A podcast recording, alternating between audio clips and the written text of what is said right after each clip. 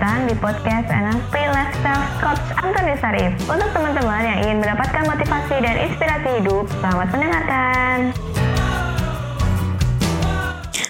Teman-teman, kembali lagi dengan saya Karin di YouTube channel Panduan Hidup dengan NLP dan kali ini kita akan membahas loa lagi. Kemarin kalau teman-teman belum nonton, nanti linknya ada di deskripsi ya. Nah kali ini kita akan membahas uh, kemarin sih kita sudah membahas untuk menurunkan berat badan dengan cara NLP. Nah sekarang dengan cara loa. Sebelumnya kita sapa Coach Arif dulu ya. Sebelum Anda lanjut nonton video ini, silakan Anda subscribe, like, dan share kepada teman-teman Anda sehingga channel ini bisa bertumbuh. Halo Coach. Halo Karin. Ya, Coach, aku lagi ada problem nih Coach untuk diri aku sendiri. Apa nih? Aku gendut. Kata siapa Karin? Kata banyak orang. generalisasi pak Ini menurut NLP generalisasi ini Mas Adi langsung ngomong nih. Karena Mas Adi habis selesai belajar NLP practitioner makanya gitu. Ya. Nggak. Ini menarik sih. Eh, kalau lu ngomong lu gemuk, memang yang kepikiran lu tuh kayak apa sih badan? Ya pokoknya aku gemuk. Sini aku jadi gede banget Coach. Entar gue nanya. Nah ini berkaitan dengan law of attraction kan ya. Sampai ngomong gua nih ya. Ya udah nggak pakai gua aja lah. Iya. Eh, biar seru ya. Gini, ketika lu mau mendapatkan badan ideal, pertanyaannya adalah lu udah bisa bayangin nggak badan ideal lu seperti apa? Udah. Kayak gimana? Kayak gue dulu Coach. Guru itu gimana? Gue gak pernah lihat lu dulu. Tahun yang lalu aku gak gendut Coach. Kenapa? Nah ini menarik. Ini menarik nih. Ini ciri-ciri kalimat yang akan membuat orang menjadi gemuk nih. Setahun lalu, apa dia tadi ngomong? Aku gak gendut. Saya nggak gemuk. Nah, di dalam NLP dan di dalam hukum NLP, Neuro Linguistic Programming, kata enggak, kata tidak, kata jangan tidak bisa diterima oleh otak. Oh iya betul. Ketika ngomong enggak gemuk, makanya jadi gemuk. Oke. Nah, jadi ini menarik nih. Iya. Jadi pertanyaannya kalau di law of attraction, dia cuma ngomong begini. Apa yang kamu mau?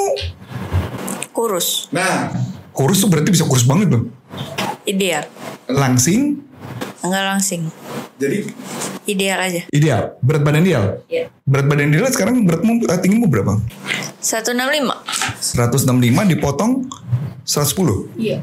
Berarti 55. 55. Kamu 60 lebih. Oh ya, dikit lah ya. Banyak itu. Jadi mesti 55 aja kan? Iya. Oke. Jadi yang pertama, law of attraction rumusnya apa? Kamu kamu harus mengucapkan kalimat apa yang kamu mau, Iya. bukan yang apa yang kamu tidak mau. Iya. Contoh, saya tidak mau cowok yang perokok, dapatnya? Rokok. Itu. Oh, oke. Saya tidak mau dapat cowok yang kasar, dapatnya? Yang kasar. Nah makanya. Nah dia mulai mikir dia, mulai mikir dia, mulai mikir dia, mulai mikir dia. Ups, kayaknya ada kejadiannya. Itu yang pertama.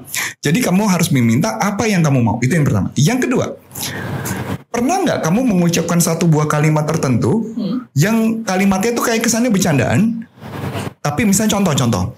Dulu ada satu tim saya, namanya Karyana. Mudah-mudahan Karyana nonton nih biasanya. Karyana ngomong gini, Pak, saya mah minum air putih aja mah gemuk kali. Pernah nggak ngomong kayak gitu? Mirip-mirip kayak gitu. Iya. Nah, Ya aku nggak makan aja gemuk Coach. nah, tuh. Itu kamu sudah memasukkan belief. Tadi ingat ya rumusnya Loa? Yang di video sebelumnya. As, believe, feel, Action. action. Betul dong? Action itu makan dong? Iya. Iya. Jadi as yang pertama kamu minta dong. Saya nggak makan aja, Gemuk. gemuk. Believe lagi. Itu Iya. itu believe. Makanya wajar kalau kamu itu dapat dapat dong. Sesuai dengan yang kamu minta. Oh iya betul ya. Berarti aku harus merubah itu dulu ya? Ya iya dong. Yang minta siapa tadi? Iya. Ah, ini podcast yang paling absurd ini kayaknya ya. Oke, lanjut ya. Yang kedua, karena kamu sendiri believe itu.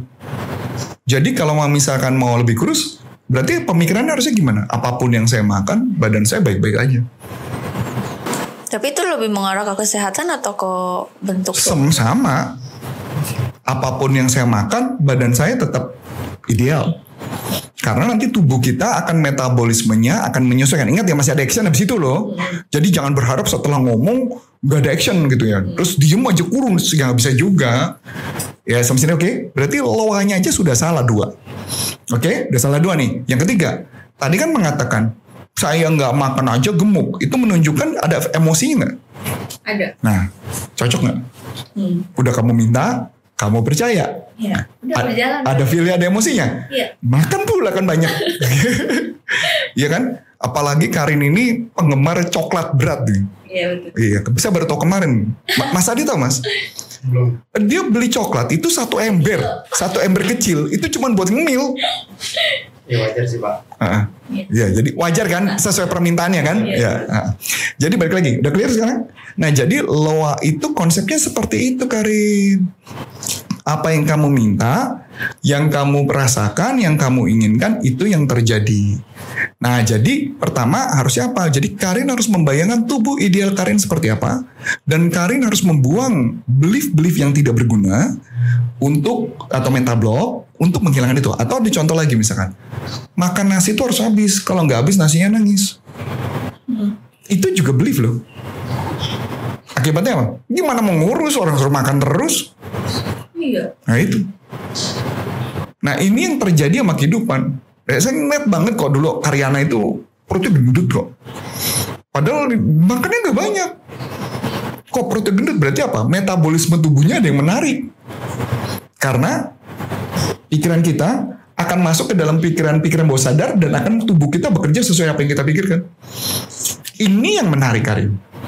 Karena sama aja kayak contoh. Saya sekarang memikirkannya lagi nih.